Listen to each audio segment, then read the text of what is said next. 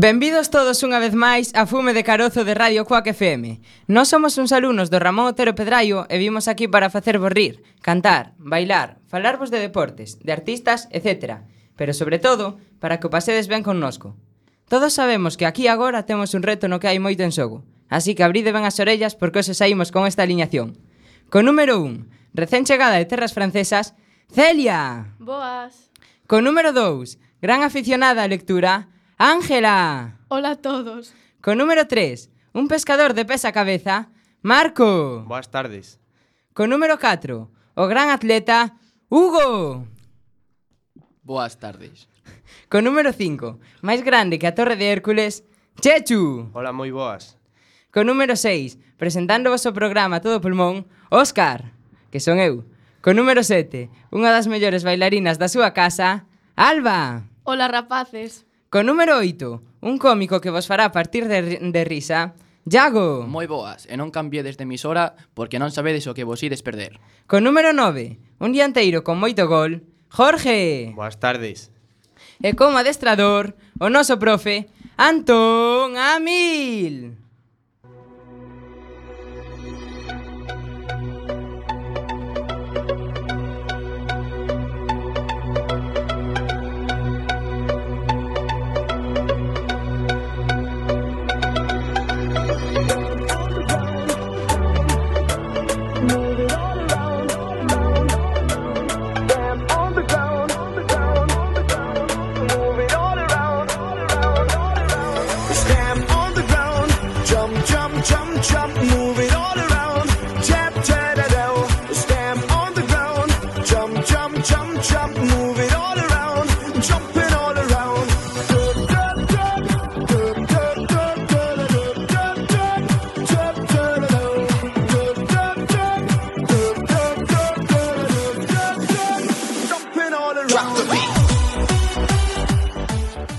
Agora damos paso a unha sección musical a cargo das nosas compañeiras Alba e Celia, para que disfrutedes, cantedes e mesmo bailedes se vos entra formiguillo no corpo. Ola, somos Alba e Celia e imos falarvos de música. Imos comentar algunhas cancións moi populares do ano pasado. Unha moi soada e coñecida que está sendo viral é Échame la culpa, de Luis Fonsi e Demi Lovato. Hey Fonsi. Oh no, que pasa de mí? Mm -hmm. hey, yeah. Tengo en esta historia algo que confesar. Ya entendí muy bien qué fue lo que pasó. Y aunque duela tanto, tengo que aceptar que tú no eres la mala, que el malo soy yo. No me conociste nunca de verdad. Ya se fue la magia que te enamoró. Ben, pois esta canción é basicamente un diálogo entre os dous cantantes. A parte diso, unha frase repetida na canción é Non estís son eu ou No eres tú, soy yo, que se utiliza moito para cortar unha relación, aínda que esta canción trata o tema de forma irónica. Outro gran éxito deste cantante Luis Fonsi foi Despacito, converténdose na, na canción do verán 2017.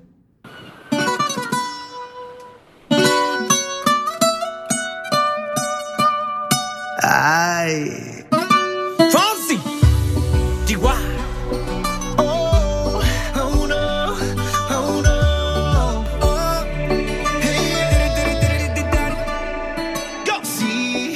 Ves que ya llevo un rato mirándote. Tengo que bailar contigo hoy.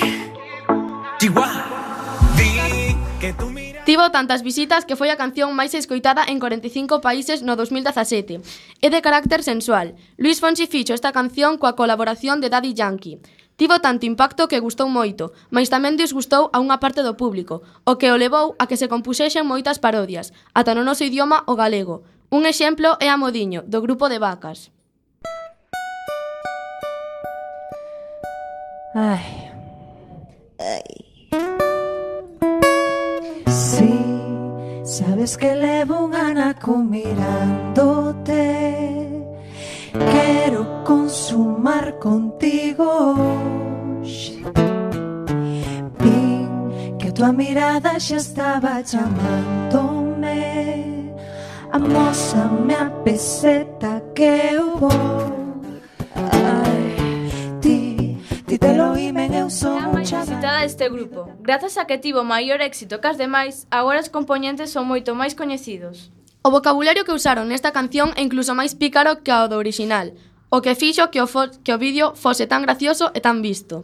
Mas non somente simpática polo vídeo, senón tamén polas escenas gravadas xa que concordan coa letra da canción. Cambiando de aires e de estilo musical está Pablo Alborán, que volveu das súas vacacións con moito entusiasmo e forza. Unha das cancións que compuso neste Regreso á Música é Saturno. Imos escoitar un anaco.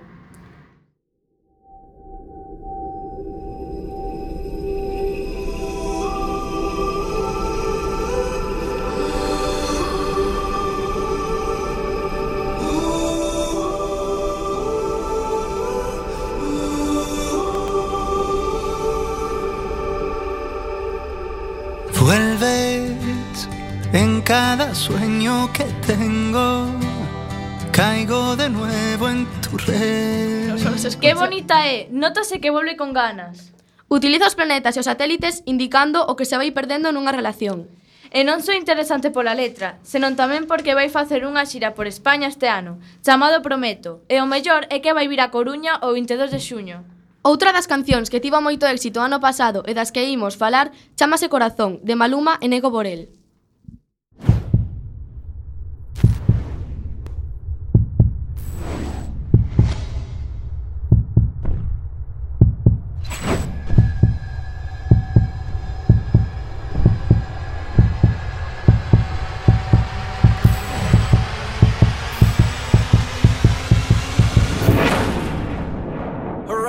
White, baby. Tú me partiste el corazón. Maluma, baby. Pero mi amor no hay problema. No. Fala da ruptura dunha parella, pero toman dita ruptura como algo positivo, indicando que agora son libres e poden dar amor a quen queiran. Queremos destacar tamén que nela intercalan o castelán e o portugués. Como Pablo Alborán, Maluma vai facer unha xira, aínda que será fora de España, xa que o ano pasado fixo outra no noso país. E de feito, eu fun a verlo a Santiago de Compostela. Outra canción que imos comentar é a de Perfect, de Ed Sheeran. I found a love for me Darling, just dive right in Follow my lead well, I found a girl Beautiful and sweet. Well, I never knew you were the someone waiting for me. Cause we were just kids when we fell in love, not knowing what it was. I will not give you. Trata sobre amor que lle ten a unha persoa do grupo e dillo que sente a través dunha canción. Ao final acaban xuntos, é dicir, acaban sendo parella. Ed Sheeran, aínda que non triunfa pola súa beleza, as súas cancións e a súa voz fan que gusta moita xente. O curioso é que empezou cantando en igrexas e mira agora, cantando para miles de persoas nos seus conciertos.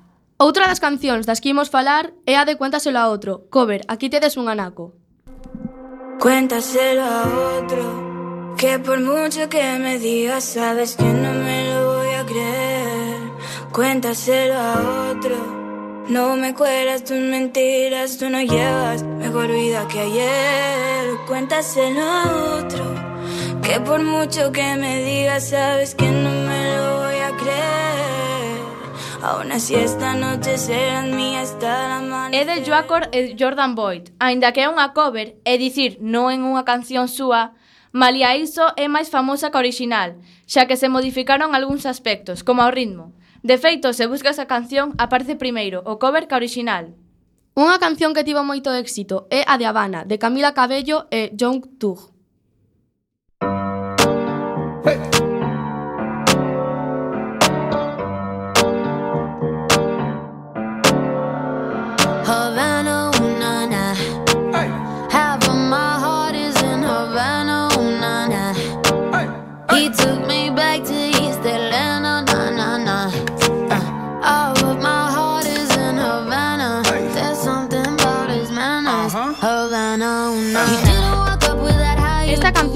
un desengano amoroso, concretamente sobre unha muller a que o seu mozo a enganou con outra e di que a metade do seu corazón está na Habana, xa que el lle rompeu. O vídeo desta canción mostra o momento no que a muller, neste caso Camila Cabello, encontra o seu mozo na súa cama con outra muller. Gústame moito esta canción, mas eu prefiro o remix en español que fixo con Daddy Yankee. Imos escoitar un anaco a ver se vos gusta. Hey.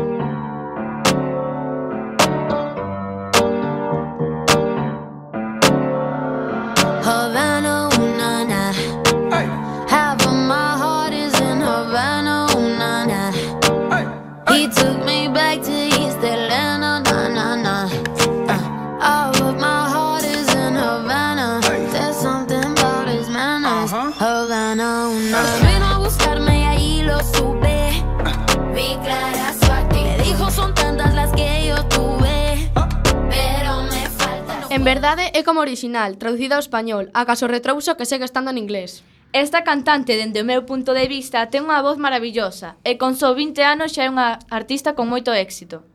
Cambiando do estilo está MJ Pérez, coa súa canción Casandra. Imos escoitar un anaco.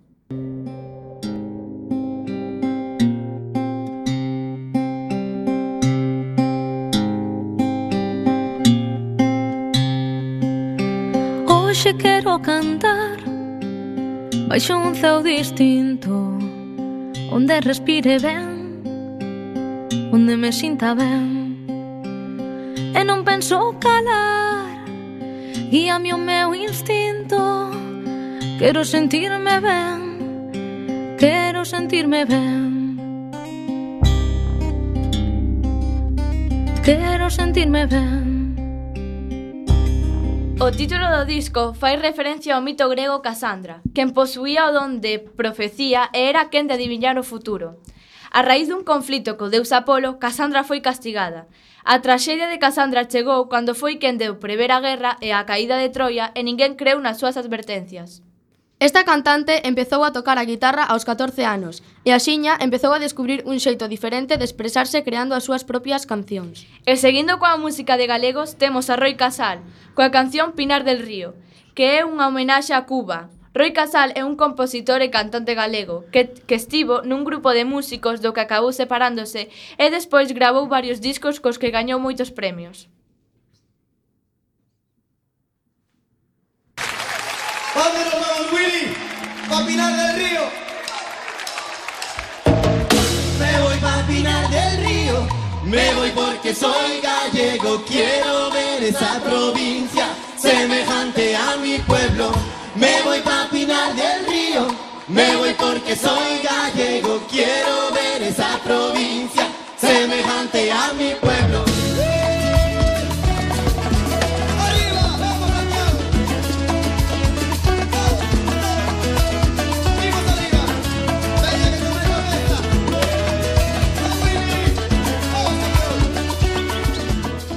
Espero que vos gustase a nosa sección. Adeus. Entre Iago Chechu máis eu intentaremos facer un repaso dos mellores deportistas da nosa terra. Estade moi atentos e intentad adiviñar quen son. Boas tardes, son José, estou acompañado de Tiago e máis de Óscar. Hoxe imos facer un recopilatorio de, dos 10 mellores deportistas galegos de toda a historia. Nós xa decidimos quen é o gañador, pero ti serás quen de adiviñalo? No número 10 está unha muller que dende o seu paso para augas inglesas ten unha cor máis dourada aínda. Esta non é outra que Tamara Echegoyen. A deportista galega patroneou a embarcación española que acadou a medalla de ouro nos Xogos Olímpicos de Londres na modalidade de vela.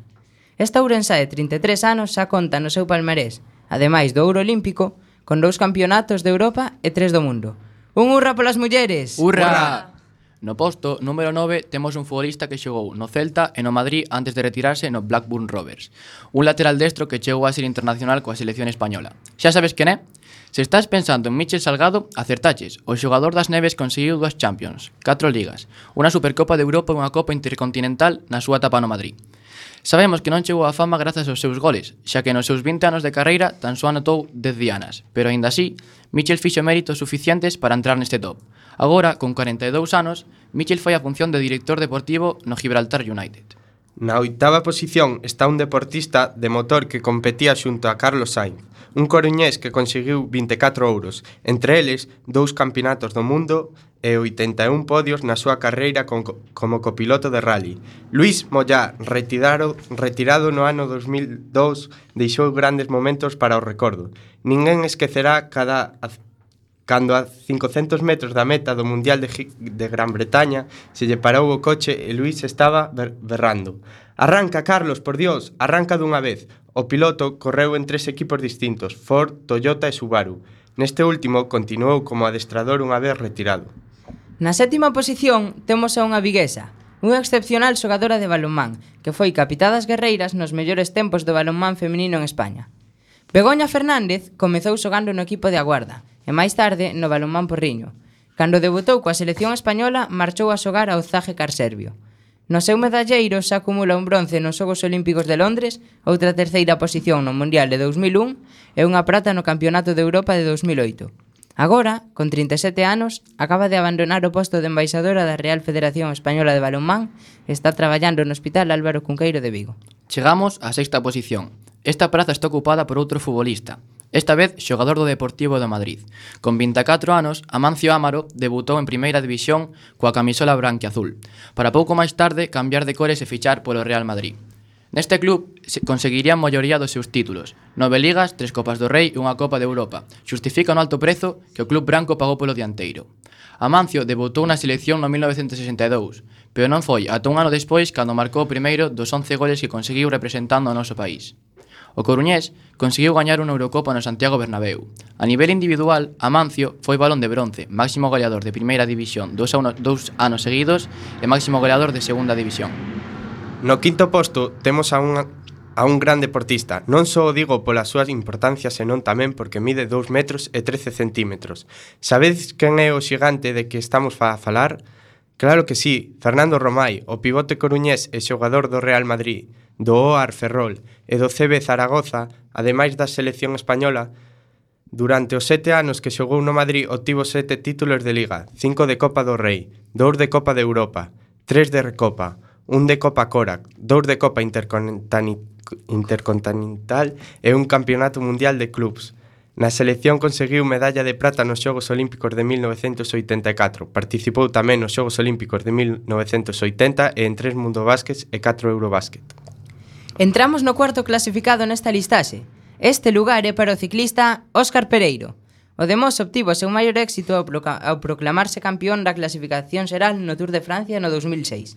Foi ciclista profesional durante 10 anos.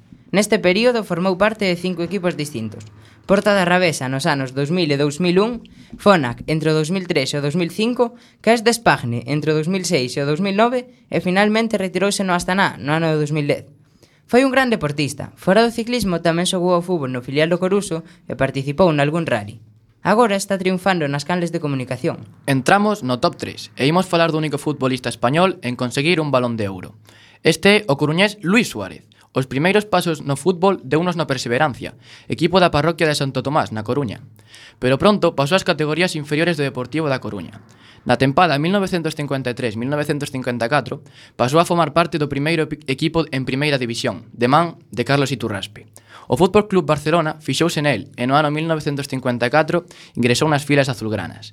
Nesta época viviría o seu maior éxito individual, o Balón de Euro de 1960, premio que se otorga ao mellor xogador europeo segundo a revista France Football, ao ano seguinte recalou no Inter de Milán, sendo no seu momento a fichaxe máis cara da historia, onde gañou dos Copas de Europa. Con este club aínda fica vencellado a día de hoxe, formando parte do equipo técnico. Mas nós aínda o podemos escoitar como comentarista deportivo na radio as fins de semana. Luis Suárez tamén foi adestrador e seleccionador, seleccionador nacional español, sen poder repetir os éxitos que tivera como xogador. Coa prata desta clasificación faise David Cal, o canoista de Cangas, cinco veces medallista olímpico. A súa vida deportiva estivo vencellada ao seu equipo, o Club de Mar Ría de Aldán, polo que competía a nivel nacional. Pasou polo Centro Galego de Tecnificación de Deportes, dende os 14 anos de idade, no que traballou con diferentes formadores, ata topar ao seu último adestrador, Jesús Morlán. Cal participou nos Xogos Olímpicos de 2004 en carreiras de canoas monopraza na categoría de 500 e 1000 metros. Gañou a manga inicial do quilómetro clasificando así, así directamente para a final. Na final superou a Andreas Dittmer, de Alemanha, o que lle valeu a medalla de ouro. Nos 500 metros, Cal volveu gañar a manga inicial para chegar á final. Nesta ocasión, Dittmer terminou 34 centésimas por diante del, deixando coa medalla de prata. Nos Xogos Olímpicos de Pequín 2008 participou en C1 500 e C1 1000 metros. Gañou a prata nos dous eventos e foi o portador da bandeira do equipo español na ceremonia da inauguración. Nos Xogos de Londres, en 2012, gañou a súa quinta medalla, a prata no 1000 C1, converténdose no atleta español con máis medallas. O 27 de marzo de 2015 anunciou a súa retirada do piragüismo en alta competición. Desde marzo de 2016 traballou no UCAM Murcia como técnico de competicións. Xa chegamos á parte máis alta, A medalla de ouro ao mellor deportista galego. Espera, este é... Espera, non fai falta que o digas, trátase de Iago Aspas, verdade? Pero que diso, está claro que é Lucas Pérez. Pois non acertaches ningún dos dous. E máis, este deportista non ten que ver co fútbol. Ele é Javier Gómez Noya. O triatleta foi campeón mundial sub-23 en 2003, campeón de Europa en 2007, campeón da Copa do Mundo de 2006 e de 2007, campeón do mundo en 2008 e 2010 e medalla de prata nos Xogos Olímpicos de 2012 en Londres. Fillo de emigrantes galegos, na actualidade vive en Pontevedra e adestra no Centro Galego de Tecnificación Deportiva. Gómez Noya é especialista en natación, deporte no que posúe récords galegos en longas distancias. Leva anos adicándose ao triatlón e participou na primeira selección galega deste deporte que debutou internacionalmente na Copa de Europa de Estoril en 2006. Sabemos que Gómez Noya non puido debutar coa cedo coa Federación Española debido a que este dicía que por problemas no corazón non estaba capacitado para competir. Isto cambiou cando o triatleta comezou a gañar a selección, recapacitou e deixoulle competir. Aínda hoxe en día segue conseguindo títulos olímpicos e mundiais. A clasificación dos deportistas galegos deixounos moitas estelas e exemplos a seguir. A canteira galega púxonos o traballo moi difícil, xa que neste top podería haber infinitos deportistas de moita calidade, como José Antonio Hermida, ciclismo, Luis Otero, Iago Aspas, Arsenio Iglesias, fútbol, Vero Boquete, fútbol femenino, Antón Paz, Fernando Echevarri, Sofía Toro de Vela ou Rodrigo Conde Remo. Como vedes, en Galicia practícanse moitos deportes, así que animádevos, saíd á rúa, ao mar, a onde faga falta, pero facé deporte con regularidade e a vosa vida agradecerábolo. Gracias por escoitarnos e a darlle duro. Aínda que as risas son moi importantes, neste mundo a cultura importa máis. Así que escoitade a Hugo, Ángela e Jorge e seguramente aprendades algo sobre literatura.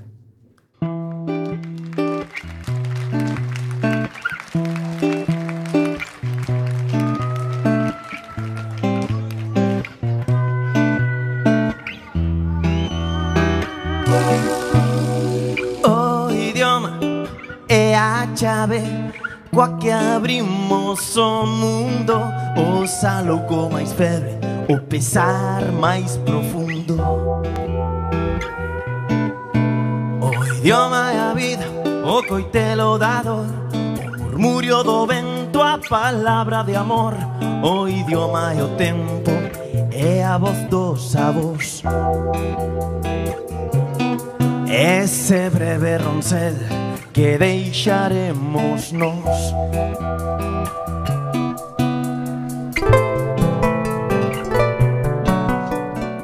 Boas tardes a todos. Hoxe os meus compañeiros Ángela, Hugo e Mauseu falaremos sobre tres tipos de temáticas literarias: fantasía, novela juvenil e novela de misterio, medo ou suspense. Comezarei eu falando vos dos libros de fantasía. Os libros fantásticos ou de fantasía son aqueles que se desenvolven a través da imaginación. Polo tanto, un exemplo deste sería Harry Potter. Escrito por J.K. Rowling, en concreto do primeiro libro publicado en 1997, A Pedra Filosofal. Esta é unha saga de sete libros. A historia é moi coñecida. Trata sobre un neno que ten poderes máxicos e unha particular cicatriz na fronte. A súa autora explicou que esa cicatriz era debido ao seu gusto polos rayos. O, aumento, o argumento céntrase na loita entre Harry Potter e o malvado mago Lord Voldemort, quen asasinou os pais de Harry nun intento fallido de matar a Harry, para así poder acabar coa profecía que citaba a súa propia morte. Fragmento do primeiro libro. Ao chegar á esquina, percibiu o primeiro indicio de que sucedía algo raro. Un gato estaba mirando un plano da cidade, Durante un segundo o señor Dursley non se deu conta do que vira, pero logo volveu a cabeza para mirar outra vez. Si, había un gato atrigado na esquina de Private Drive, pero non veu ningún plano. En que estaría pensando? Debeu ser unha ilusión óptica. O señor Dursley parpadeou e contemplou o gato. Este devolveulle a mirada. Mentres o señor Dudley daba a volta á esquina e subía pola rúa, observou o gato polo espello retrovisor. Naquel momento, o felino estaba lendo o rótulo que dicía Private Drive. Non podía ser. Os gatos non saben ler os rótulos nin os planos. Despois disto falaremos da novela juvenil. Imos dar unhas pinceladas sobre esta outra temática que tanto atrae os xoves. A novela que comentarei é Campos de Fresas, de Jordi Sierra e Fabra, publicada en 1997. O argumento trata da historia dunha rapaza, Luciana, que queda en coma tras consumir drogas. Vicente Espina, un, un inspector de policía, é o encargado de descubrir quen vendeu as drogas que deixaron en coma Luciana. O mozo de Luciana e os seus amigos deciden buscar o traficante para comprarlle unha cápsula máis e así axudar a súa amiga. O libro tamén tamén fala sobre Loreto, unha amiga de Luciana, e a súa loita contra a bulimia. Este libro baseouse na historia de dúas mozas, Lea Betts, que morreu tras cinco días en coma ao consumir droga, e Helen Cousins, que despertou tras dous meses en coma. O primeiro que dixo despertar foi Non bailedes coa morte. Estes temas son moi habituais entre a xuventude e con estas lecturas descubrimos o dano das drogas e como dicir non para non acabar enganchados a elas. Agora leeremos un fragmento do libro. A chamada repetiuse cando estaba a botarse auga na cara por segunda vez. Por que os seus pais non mercaban un maldito inalámbrico? Colleu a toalla e secouse mentre se dirixía cara ao teléfono.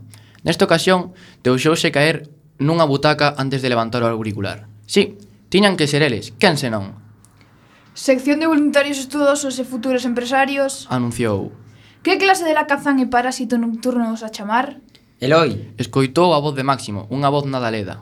Que pasa? Frunciu o ceño. Escoita, antes de que isto poida contarse, cortarse de novo, estamos en... Bueno, é que... Escoitou claramente a voz de Cintia polo fío telefónico. Máximo, que ocorreu? Berrou alarmado Eloi. Lucí tomouse unha pastilla e sentoulle mal.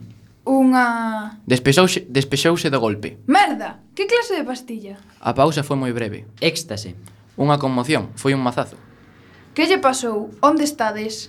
No clínico, trouxémala porque, bueno, non sabemos que lle pasou, pero púxose moi mal e de pronto... Deberías vir, Eloi. Escoitou de novo a voz da, da mellor amiga de Luciana polo auricular. Os médicos están con ela. Continuei Máximo. Pasamo, pensamos que debíamos saber que estás aquí. Puxose en pé. Sai agora mesmo. Foi o último que lle dixo antes de colgar. Outra das temáticas que máis encandila aos xoves lectores é o misterio, o medo, e nisto destaca un dos mellores escritores galegos, Agustín Fernández Paz, con novelas como Cartas de Inverno ou Aire Negro. Agora vou resumir o libro para ver se vos gusta. O argumento desta novela trata dun escritor que se chama Xavier que logo de volver de Canadá lle envía a súa irmá, Tareixa, un sobre con historias sobre o seu amigo Adrián e máis el. Xavier atópase cunha chea de cartas enviadas polo seu amigo e, asustado polo que lle contaba, Foi axudalo pero non sabía o que había nesa casa enmeigada. Ao final, Xavier e Adrián desaparecen sen saber moi ben o que pasa ali. Tareixa chega a casa e ve que o seu irmán Xavier enviouche un sobre moi grande no que dentro había unha nota e outro sobre. Tareixa leu a nota que estaba no primeiro sobre e dicía que, se non volvía saber nada del, que lle levase ese sobre ao inspector Soutullo e que, por favor, non lese a carta de dentro, Pasaron os días e Tareixa non recibiu noticia do seu irmán. Tareixa non pudo aguantar e decidiu ler o sobre. A primeira nota dicía que se estaba lendo esa nota era porque lle quedaban poucas horas de vida. Despois, contaba a vida de Adrián, o seu amigo. Adrián era un famoso pintor, amigo del dende pequenos. Xavier empezou a contar que ele e Adrián víanse todos os anos en Galicia, pero que a última vez foi diferente. Xavier e Adrián estaban sentados na terraza dun café cando viron un anuncio do, nun xornal que dicía que se vendía unha casa en Meigada. Entón Xavier díxolle de broma a Adrián que non se, atre, eh, que non se atrevía a comprala, pero Adrián tomou non serio. Máis tarde, Adrián escribiulle unha carta a Xavier contando como era a causa. E todas as cousas extrañas, que eran moitas sobre chamadas, ruidos, extraños e faxes nos que se pedía axuda. Adrián, despois de recibir un fax no que decía «Socorro, arriba», decidiu subir ao fallado da casa e viu que había un baúl. Abriuno e dentro viu que había moitos libros. Despois, encima dunha mesa, viu un que lle chamou a atención. Nela había unha moza sentada á beira dunha fiestra, nunha habitación, cunha expresión triste, pero de algún xeito captou a súa atención. Adrián baixou no para logo botarlle unha ollada. Cando xa era de noite, Adrián foi mirar o libro e deuse conta que o retraso que o retrato cambiara. Agora a moza estaba dormindo. Adrián non o podía crer, así que foi pola súa cámara de fotos e fixolle un, un, par, unha, un par de fotos para comprobar que se, que se fora a súa imaginación ou pasara realmente. Un día, observando a foto, deuse conta que na fiestra da imaxe aparecía a mesma paisaxe que a da súa casa, pero que correspondía a unha parte da casa na que non había ningunha habitación. Ou iso parecía. Adrián xa non podía máis, así que decidiu tirar o tabique para ver se había outra habitación. E, efectivamente, ali estaba a habitación. Ao entrar viu que non había había nada no cuarto acaso unha trapela. Adrián foi a abrila, pero non había nada dentro acaso unha peste intensa. Despois diso, ao non recibir máis cartas do seu amigo, Xavier decidiu ir a Doroña. Cando chegou a casa, viu que Adrián non mentira e que a casa era preciosa. Xavier entrou e viu que na casa non había ninguén, e foi directamente á cociña, que era onde Adrián tirara o tabique, e viu que ali non había ningún buraco pero que o taparan había pouco porque o cemento ainda estaba fresco. Era tarde e Xavier fouse dormir. Mais, de súpeto, soou o fas. Era unha estrana mensaxe como das que lle fará Adrián, pero poñía outras cousas. Dicía, Xavier, axúdame. Xavier foi ver o libro e ali estaba ese retrato, A moza estaba dormindo. O día seguinte, Xavier volveu mirar o libro e viu que a imaxe cambiara. Adrián tiña razón. Entón Xavier rapidamente colleu un pico e foi romper a parede. Entrou no cuarto e viu que a trapela estaba aberta. Adrián tiña que estar ali, mais de súpeto... Para min, este libro foi un dos mellores que lin. Gustoume tanto que foi dos únicos libros que dende o co que dende o que comecei a ler xa non fun quen de parar por mor da intriga constante ata o final. Recomendo volo a todos. Que gusto, eh? Que boa conexión está vendo entre todos. E por certo, falando de conexións, dixéronme que no futuro desaparecerán os cables. E teñen razón, eh? De feito, eu teño unha teoría, bastante elaborada, segundo a cal non haberá. Non haberá cables. Non os haberá porque estarán todos detrás do moble do meu salón. Eu detrás do moble do salón teño o cable da televisión, o do vídeo, o da Play, o do codificador de fútbol, o do codificador das películas, o da wifi, o da cadea de música, O de mm, o da antena que vai á televisión, o da antena que vai á televisión que vai ao vídeo. Despois, por outra parte, teño o da Play que vai a wifi que vai á televisión, o do codificador de fútbol que vai á televisión que vai ao das películas que vai ao vídeo, o da cadea de música que vai conectado aos altofalantes da cadea de música que van conectados aos da televisión, e tamén a Play cando non salta o vídeo, que os do vídeo xa os teño distribuídos polo salón. E ademais, teño dous cables que non sei para que son, pero se están aí por algo serán. Eu calculei, tirando polo baixo, que teño uns 100. E a min isto dame moitísima seguridade. Pois sí, porque se no futuro se torcen as cousas, eu teño aí as miñas dúas toneladas de cobre. E agora, eles non son de cobre, son de ouro. Para que vos sigades rindo, deixo vos cos nosos humoristas Iago e Marco.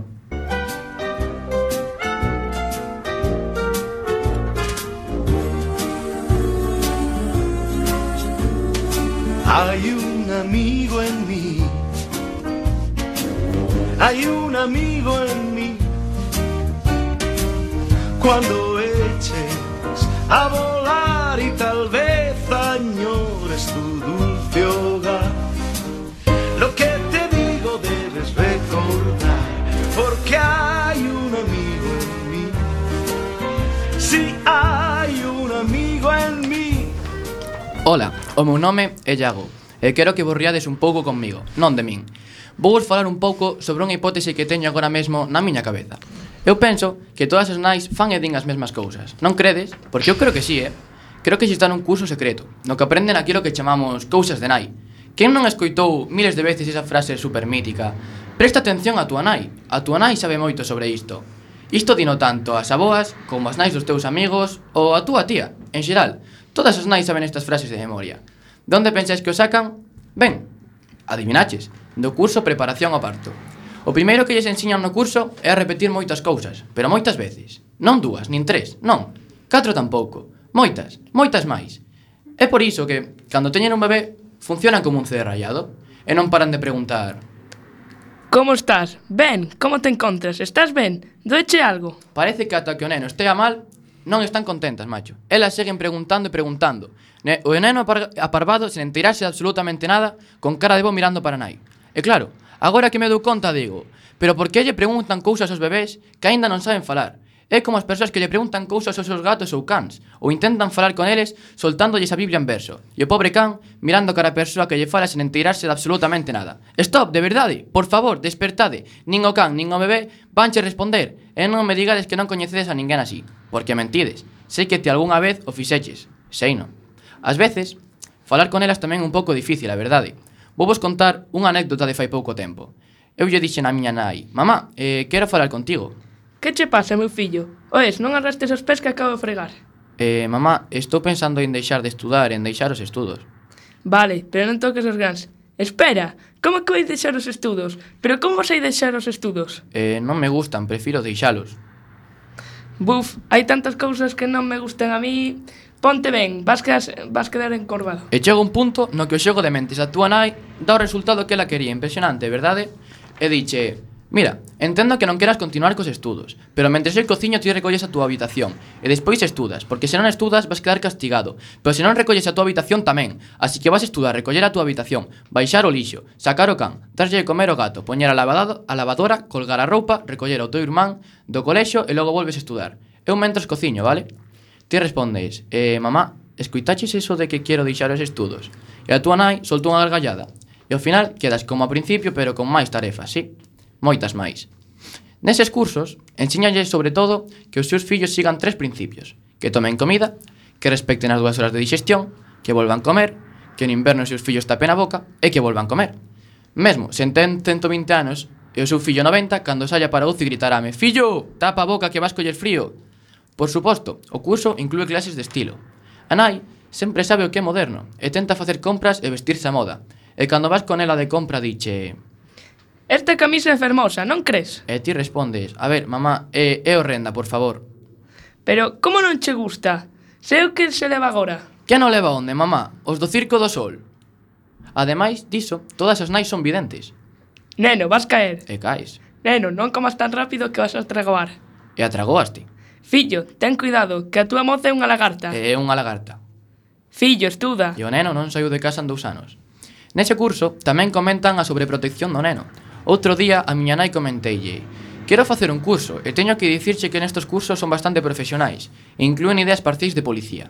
Nese momento no que escoita ideas parciais de policía, sí, nese momento volvese tola e pregúntame fumaches ou andas bebido, verdade? Saiches de, fech, de feste tres resaca. Do que estou seguro que non ensinan é que a partir dos 52 anos os fillos saben cuidarse sós. E chega o momento no que xa vives só, vas a vela cada 15 días e libraste un tempiño máis de todo, non? Claro, pero iso non impide nada. Non, nada de nada. No momento da comida, botache comida de fai 15 días, senta a teu lado e comeza... Estás malo? Non é bo? Ou que che pasa? Veña, anda, termina as albóndegas, o bacallau, os pementos recheos e uns bistés de porco. E come o pan. Se tamén Queres peloche unha laranxa? E si, sí, señores, ese momento, ese xusto momento, no que volves a realidade, e te das conta de que aínda vas polas albóndegas. Iso, iso sí que é moi duro, moi duro.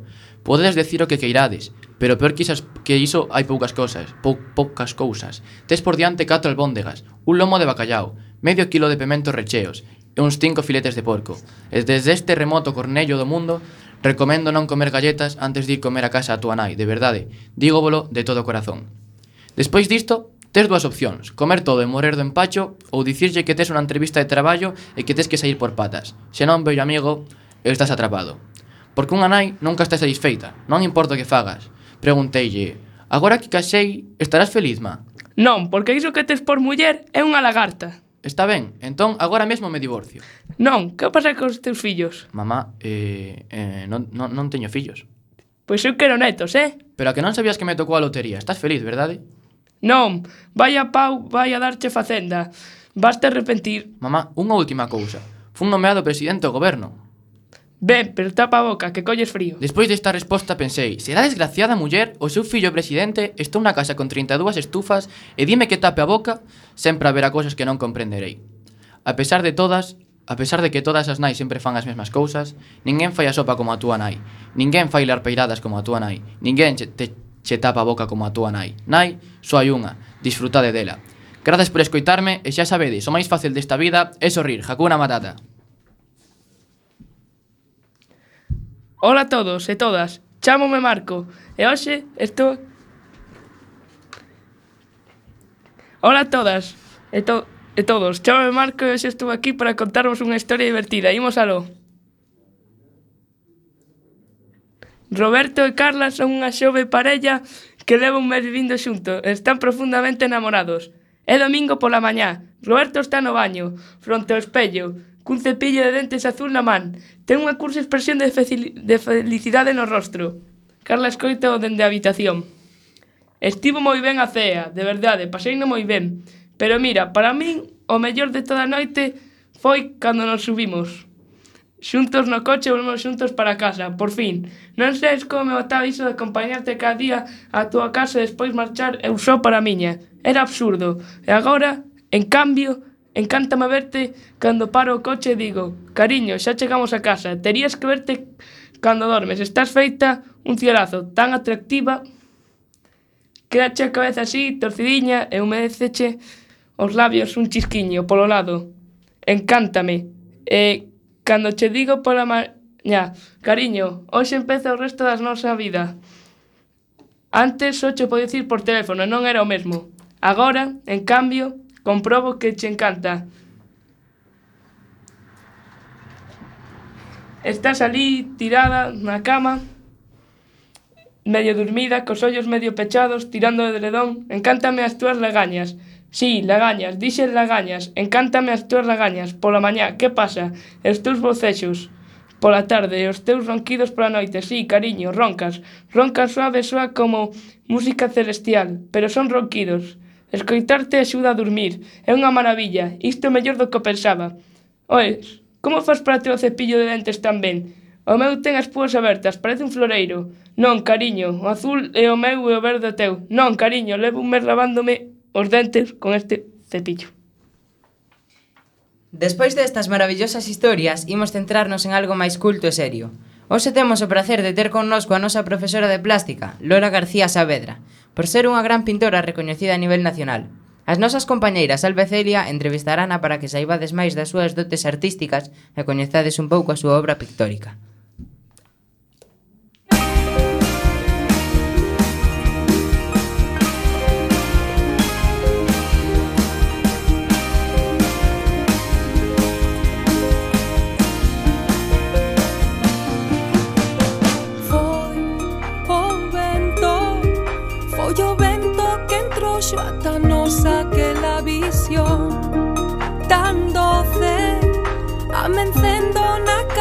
os teus brazos ao meu redor Para ter unha causa na que crer Pra sentir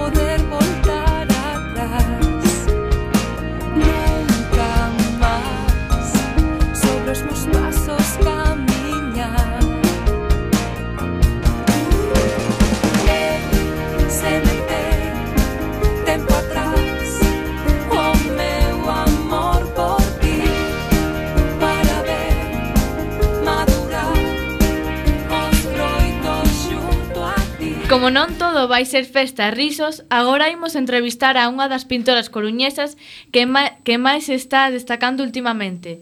É un placer para nós poder contar con ela no noso programa e esperemos coñecela máis a fondo despois desta entrevista.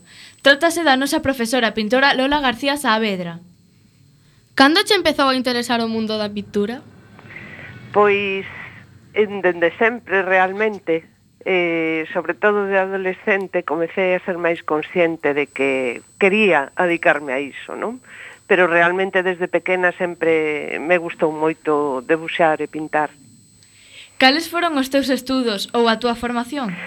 Pois eu, mentres facía mm, o antigo BUP, como bacharelato de agora, Como xa sabía que quería facer Belas Artes, comecei a preparar o exame de ingreso á facultade. Entón ia a, a clases de debuxo de carboncillo na Escola de Artes e Oficios, que estaba entón mm, nos baixos do, do Instituto Eusebio da Guarda. E ali me preparei, despois tamén, cando fixen COU, seguín eh, en Madrid xa, eh, acudindo a estas clases de, de debuxo para preparar o meu ingreso e posteriormente entrei na Facultade de Belas Artes en Madrid e fixen aí a, a carreira son licenciada en Belas Artes pola especialidade de pintura. Que estilo de pintura prefires e en cal encadrarías a túa obra? Pois prefiro moi gustanme moitos estilos e moitos tipos de obras. Eh, en xeral poderíamos dicir que eh, non me gusta nin o realismo moi estricto nin a abstracción pura. Eh, nesa franxa de, dun estilo figurativo, pero máis persoal, eh, é o que me gusta e, e onde tamén encadraría a miña obra, con todas as súas variacións. Cando pintas que sentes e cando terminas e o contemplas? Cando pinto, eh, síntome moi ben, porque é o que máis me gusta facer. Entón, realmente disfruto, síntome moi a gusto, síntome libre. E cando termino e o contemplo, pois depende. Ás veces nese momento non sei moi ben se me gusta o que fixen ou non e necesito deixar un tempo pasar sen, sen velo. Outras veces síntome moi contenta do que fixen, outras veces non me gusta, pero sei que poderei aproveitalo de un xeito ou outro, porque sempre se pode aproveitar, eh, aínda que, que non vai a iso, pois para unha idea posterior, sempre no proceso creativo todo o que ocurre é interesante. Que procedimento segues a hora de pintar? Depende do que faga, pero moitas veces non sigo ningún procedimento. Eh, fago o que me sae, é dicir, improviso. Eh, depende tamén se un formato pequeno, pinto ás veces eh, tamén cadros moi grandes, entón para os cadros grandes normalmente fago algún bosquexo previo e despois eh, cando teño a idea elaborada xa o paso a grande eh, eh, o vou traballando, pero cando fago cousas máis pequenas moitas veces non preparo nada, deixome levar. E cando tardaches en pintar o teu cuadro máis elaborado? Eh, Pois non sei exactamente, digamos que podría ser un mes, pero adicándolle dúas horas diarias ou tres como moito. Que é o que queres transmitir coas túas obras? Pois depende da, do momento tamén. Eh, moitas veces nas miñas obras o que transmito é eh, as sensacións que, que tiven cando viaxei, Por exemplo, cando estiven en Italia, que é un arte que me gusta moitísimo, ou cando estiven en Marrocos, pois impactoume moito, e quería transmitir eh, o que sentín nesas paisaxes eh, ou coñecer unha cultura diferente. Outras veces, pois, deixome levar así mm, un pouco polas miñas vivencias, polo meu mundo interior. Eso que o que expreso, o que tento expresar, por lo menos. Cales son os teus pintores favoritos e os que máis te marcaron? Pois eh, hai moitos, como dixen antes, a, a arte italiana encántame especialmente a etapa do Renacemento italiano. Miguel Anxo é o meu ídolo absoluto, non só como pintor, tamén como escultor, arquitecto, é unha persoa que parece imposible que un home do Renacemento, non? Que, que fixeran todo iso nunha súa vida, que, poidesen aprender e dominar todos eses campos de coñecemento. E despois gustame moito tamén tamén do Renacemento Botticelli, eh, Rafael, eh, máis recentemente Goya, e eh, a pintura moderna, eh, Matisse, Munch, expresionismo, fauvismo. Tes predilección por algunha das túas obras? Sí, algúns cadros pois parecenme especialmente logrados. Sí. que consellos lle darías ao teu alumnado ou a aquelas persoas que queren entrar no mundo da pintura? Bueno, en xeral, eh, no mundo da pintura ou mundo de calquer arte ou actividade creativa eu penso que é algo moi positivo para todas as persoas porque creo que todos podemos ser creativos e que é algo moi interesante para coñecernos e para sentirnos ben con nós mesmos. Aínda que iso sexa como un pasatempo, como un hobby, penso que, que é unha maneira moi interesante, moi positiva de, de pasar o tempo que se alguén ten un interese, unha afición, eh, sería bo que lle, lle dedicase un tempo porque seguramente se sentiría moi ben facendo. Ben, Pois despois de escoitar a nosa profesora de plástica e excelente pintora Lola Saavedra, só nos queda darlle as gracias por adicarnos parte do seu prezado tempo e animala a que siga pintando e nos disfrutando coas súas obras. Gracias, Alba. Gracias a vos pola vosa entrevista.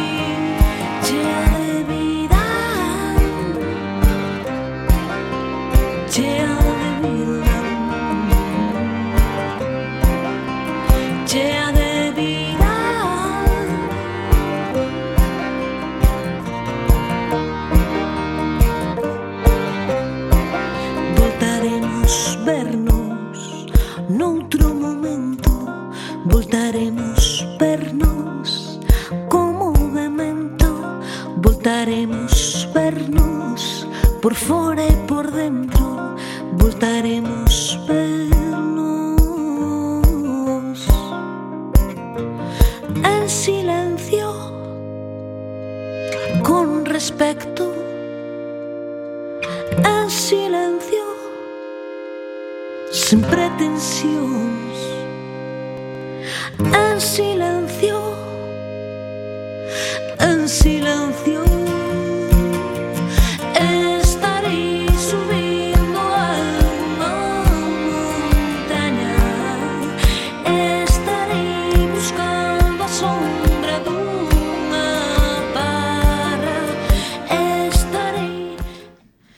Acótase o tempo e aínda temos que agradecervos toda a atención que nos prestáchedes. Sabemos que foi moi duro aguantar aí sen queimar a radio, pero tamén estamos seguros de que para o ano estaredes outra vez escoitando os nosos compañeiros. Queremos darlle as grazas a todas as persoas que fixeron posible este programa, pero sobre todo ao noso profe, ao noso adestrador, ao noso galego favorito, Antón Amil. Bueno, eh, xa agora ao final do, do programa quero despedir e daros as gracias por escoitarnos. Eh, espero que pasarades un bo rato conmigo e con Marco e, bueno, pois hasta outra. Moitas grazas. Adeus. Moitas grazas e saúdos aos nosos pais en, e aos nosos compañeiros do Instituto, en especial a Daniel Regueira. Adeus e grazas por vernos. Adeus e grazas Radio Cuac. Adeus, moitas grazas. Adeus e gracias a todos.